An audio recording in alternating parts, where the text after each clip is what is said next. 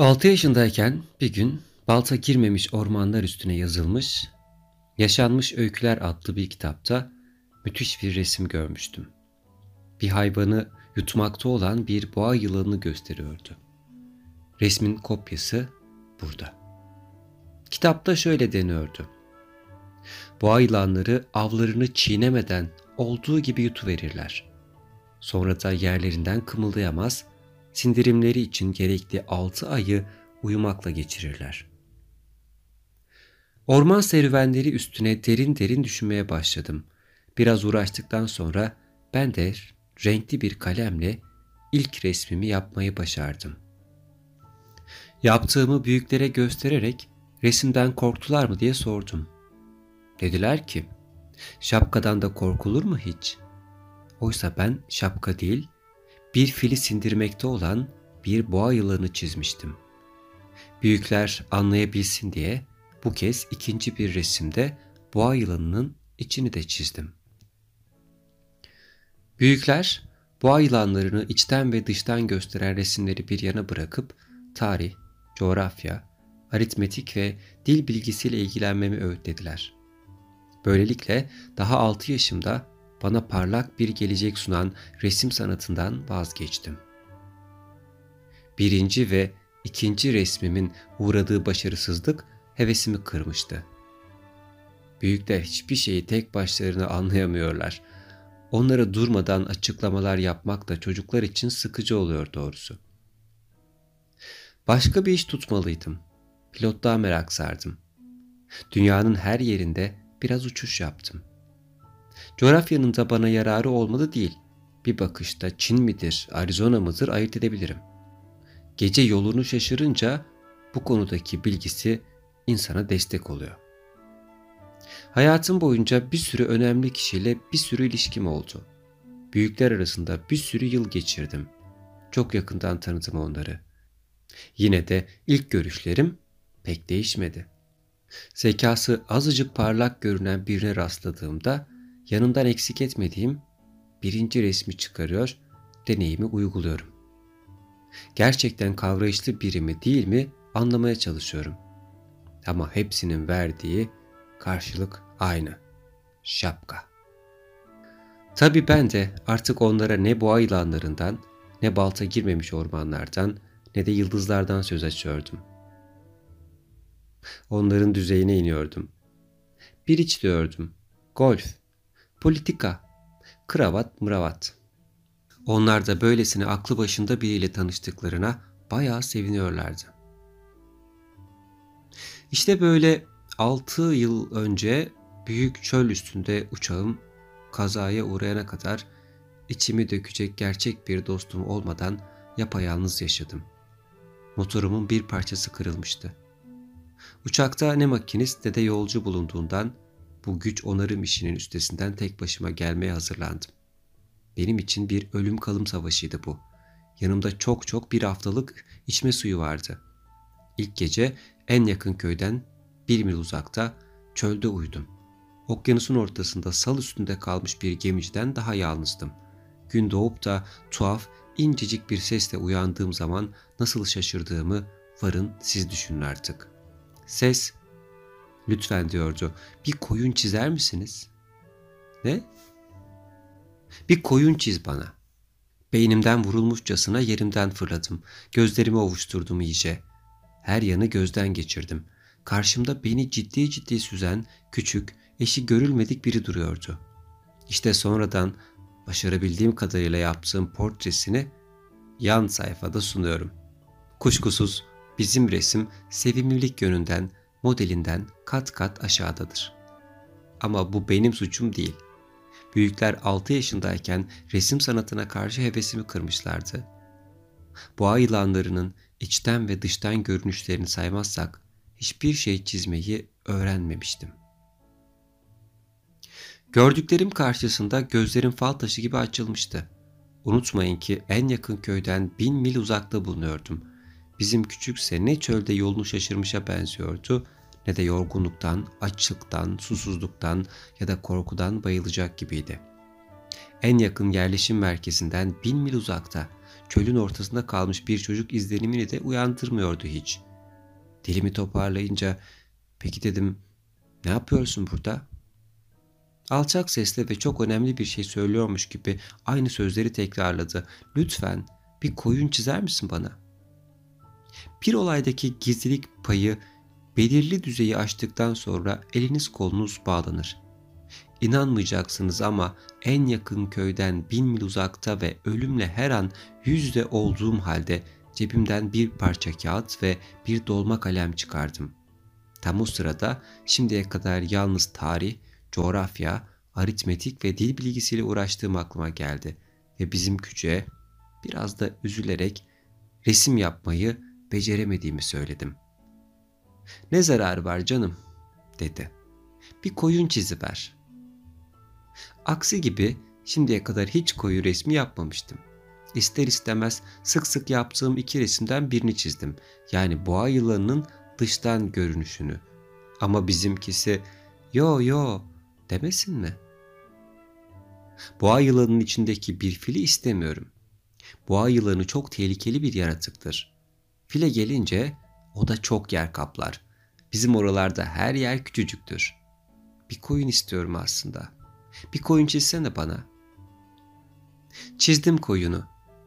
Resmi iyice inceledi. Sonra olmadı dedi. Bu daha şimdiden çok zayıf. Hasta bir koyun. Bir tane daha çiz. Ben de bir tane daha çizdim.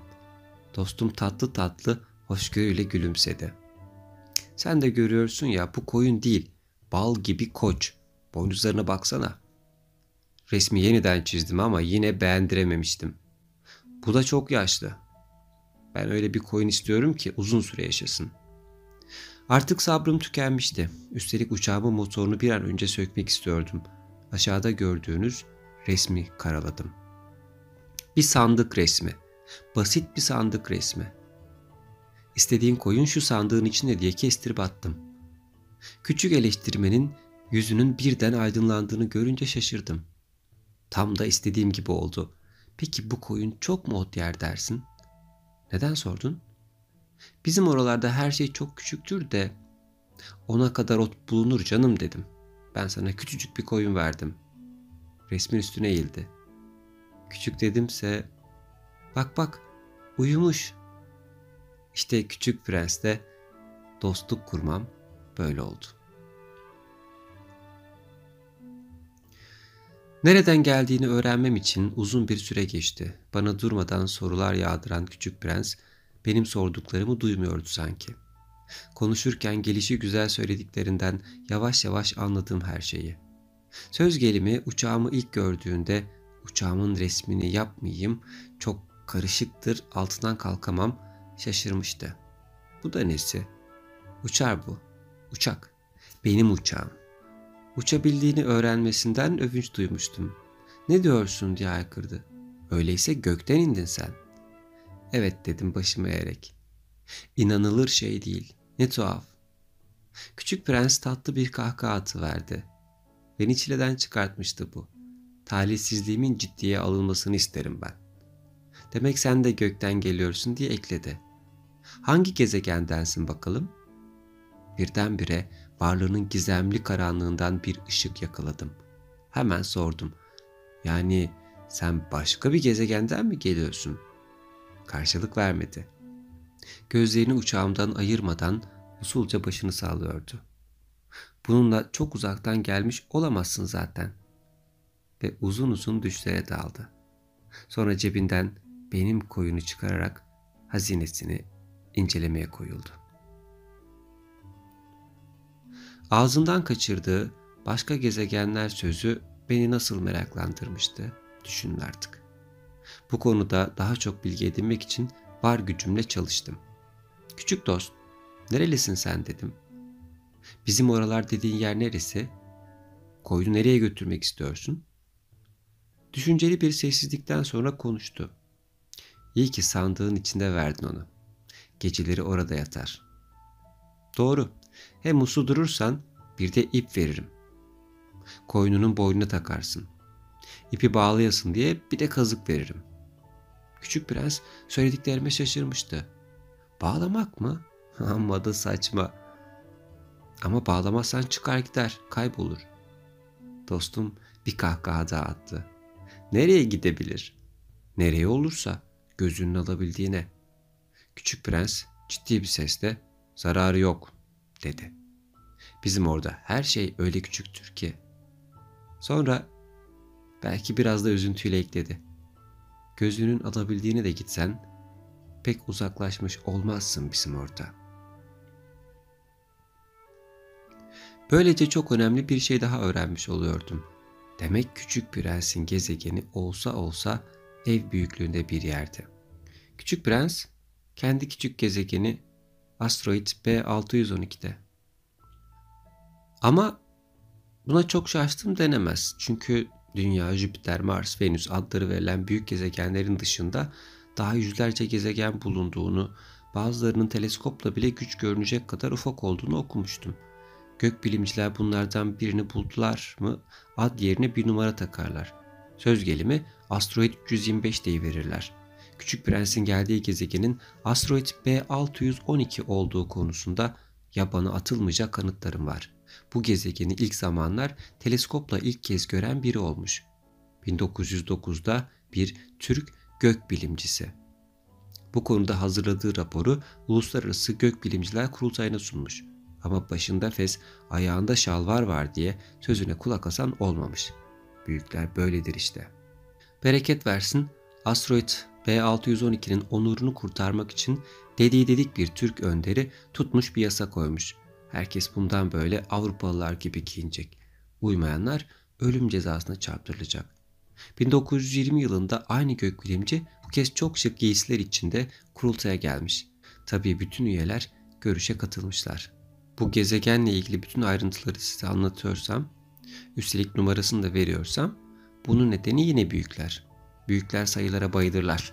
Tutalım onlara yeni edindiğiniz bir arkadaştan söz açtınız. Asıl soracak şeyleri sormazlar.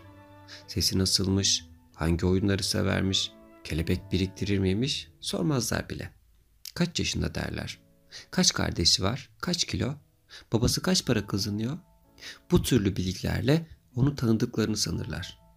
Deseniz ki, kırmızı kiremitli güzel bir ev gördüm. Penceresinde saksılar, çatısında kumrular vardı. Bir türlü gözlerin önüne getiremezler bu evi. Ama 100 bin liralık bir ev gördüm deyin. Bakın nasıl aman ne güzel ev diye haykıracaklardır. Aynı şekilde onlara deseniz ki küçük prensin sevimli oluşu, gülüşü, bir koyun istiyor. Öyleyse vardır. Bunları deseniz neye yarar? Nasıl olsa omuzlarını silkip size çocuk gözüyle bakacaklardır. Ama geldiği gezegenin asteroid B612 olduğunu söylerseniz hemen inanırlar. Sorularıyla başınızı ağrıtmazlar.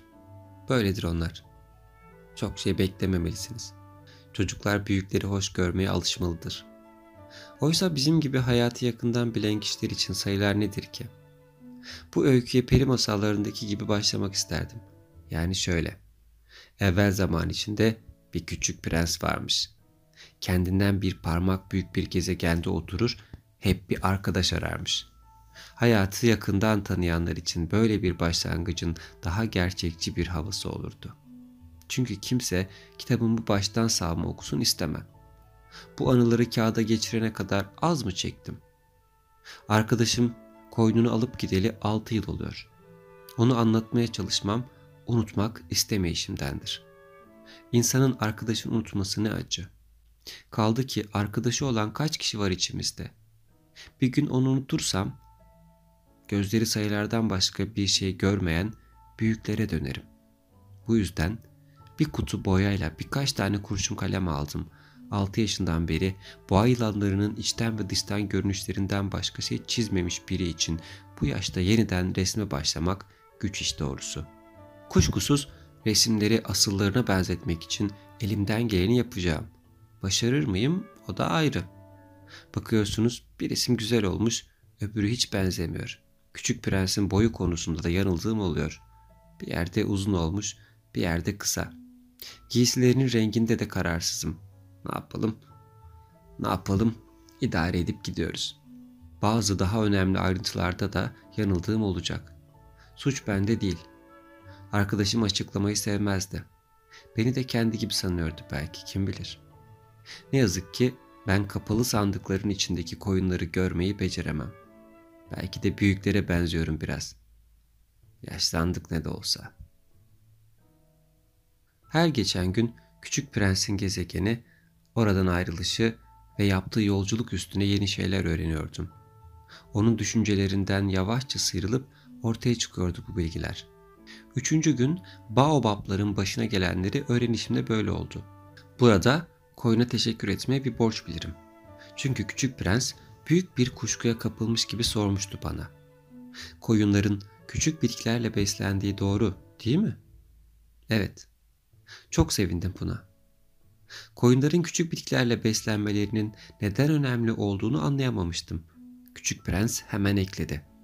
Demek hmm, baobabları da yerler. Küçük prense baobabların küçük bitkiler değil, tersine tapınaklar gibi kocaman olduklarını, hatta yanına bir fil sürüsü de katsa bu sürünün bir tek baobab ağacını bile yiyip bitiremeyeceğini belirttim. Fil sürüsü sözü küçük prensi güldürmüştü. Biz de üst üste bindiririz onları ne yapalım dedi. Ama bilgece taşı gediğine koymaktan da geri kalmadı. Baobablar o boya gelmeden önce küçük değil midirler? Orası öyle ama koyunlar küçük baobabları neden yesin istiyorsun? Apaçık bir gerçeği belirtmeyi gereksiz bulurcasına amma da yaptın dedi. Bu sorunu kendi başıma çözümlemek için büyük çaba göstermem gerekti.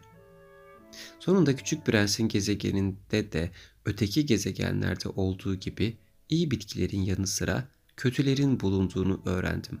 İyilerin iyi tohumları, kötülerin kötü tohumları vardı. Ama tohumları kolayca göremezsiniz.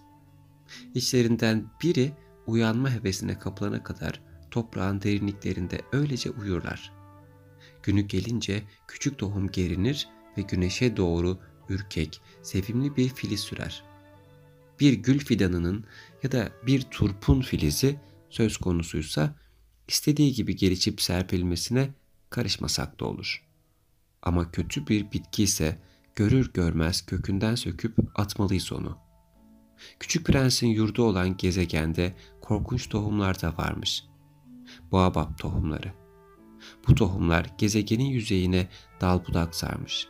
Boğabap öyle bir bitkidir ki erken davranmazsanız bir daha kolay kolay baş edemezsiniz. Gezegeni baştan başa sarar. Kökleriyle toprağını delik deşik eder. Hele bir de gezegen küçük, baobablar başa çıkılır gibi değilse parçalayıverirler gezegeni. Küçük prens bu bir düzen meselesidir demişti sonradan. Sabahları kendinize çeki düzen verdikten sonra gezegeninize de aynı şekilde bir çeki düzen vermeniz gerekir. Hiç aksatmadan her gün bütün baobabları söküp atmalısınız. Küçükken gül fidanlarından ayırt edilemeyen bu bitkilerin büyüyerek fark edildikleri anı bıkmadan izlemelisiniz.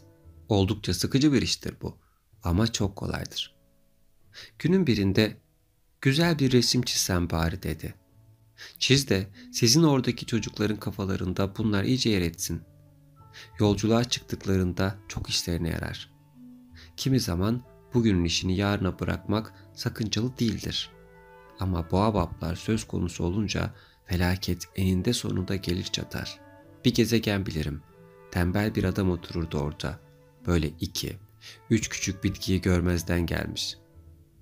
Küçük Prens'in tanımlamasına uygun olarak gezegenin şu öndeki resmini yaptım.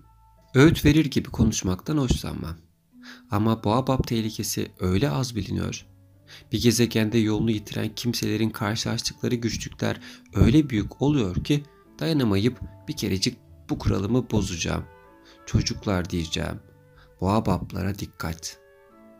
Benim gibi öteden beri bir şey bilmeden tehlikeye sürtünerek geçen dostlarımı uyarmak için bunca çalıştım. Yaptım resmi. Bu yolla vermek istediğim öğüt zahmete değerdi doğrusu. Belki de soracaksınız bana. Neden bu kitapta boğabab resimleri gibi büyük, etkileyici başka resimler yok diye. Karşılık vermek hiç de güç değil. Çok uğraştım. Ama ötekiler başarılı olmadı. Boğa popları çizerken bir sorumluluk duygusuyla doluydum. Kendimi aşmıştım. Ah küçük prensim. Senin o üzüntü dolu küçük hayatını yavaş yavaş anlatın böylece.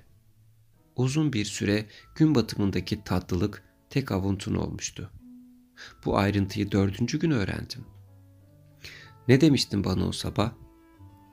Gün batımını çok seviyorum. Hadi gidip bir gün batımı görelim. Ama beklemek gerek. Neyi? Güneşin batışını? Önce ne şaşmıştın? Sonra da kendi kendine gülmüştün. Demiştin ki bana, kendimi hep bizim oralarda sanıyorum. Öyle ya. Amerika'da öyleyken Fransa'da günün batmakta olduğunu bilmeyen yoktur. Fransa'ya bir dakika içinde uçabilirseniz gün batımına yetişebilirsiniz. Ne yazık ki Fransa çok uzak bir ülke. Ama sen küçük gezegeninde iskemleni şöyle bir kımıldatsan oldu bitti. Güneşin batışını, alacakaranlığın çöküşünü artık gör görebildiğin kadar. Demiştin ki günde tam 44 tane gün batımı gördüğüm olmuştur. Sonra da eklemiştin. Biliyor musun insan üzgün olunca gün batımının tadına daha iyi varıyor. Demek sen 44 gün batımını izlediğin gün pek üzgündün. Küçük prens buna karşılık vermedi.''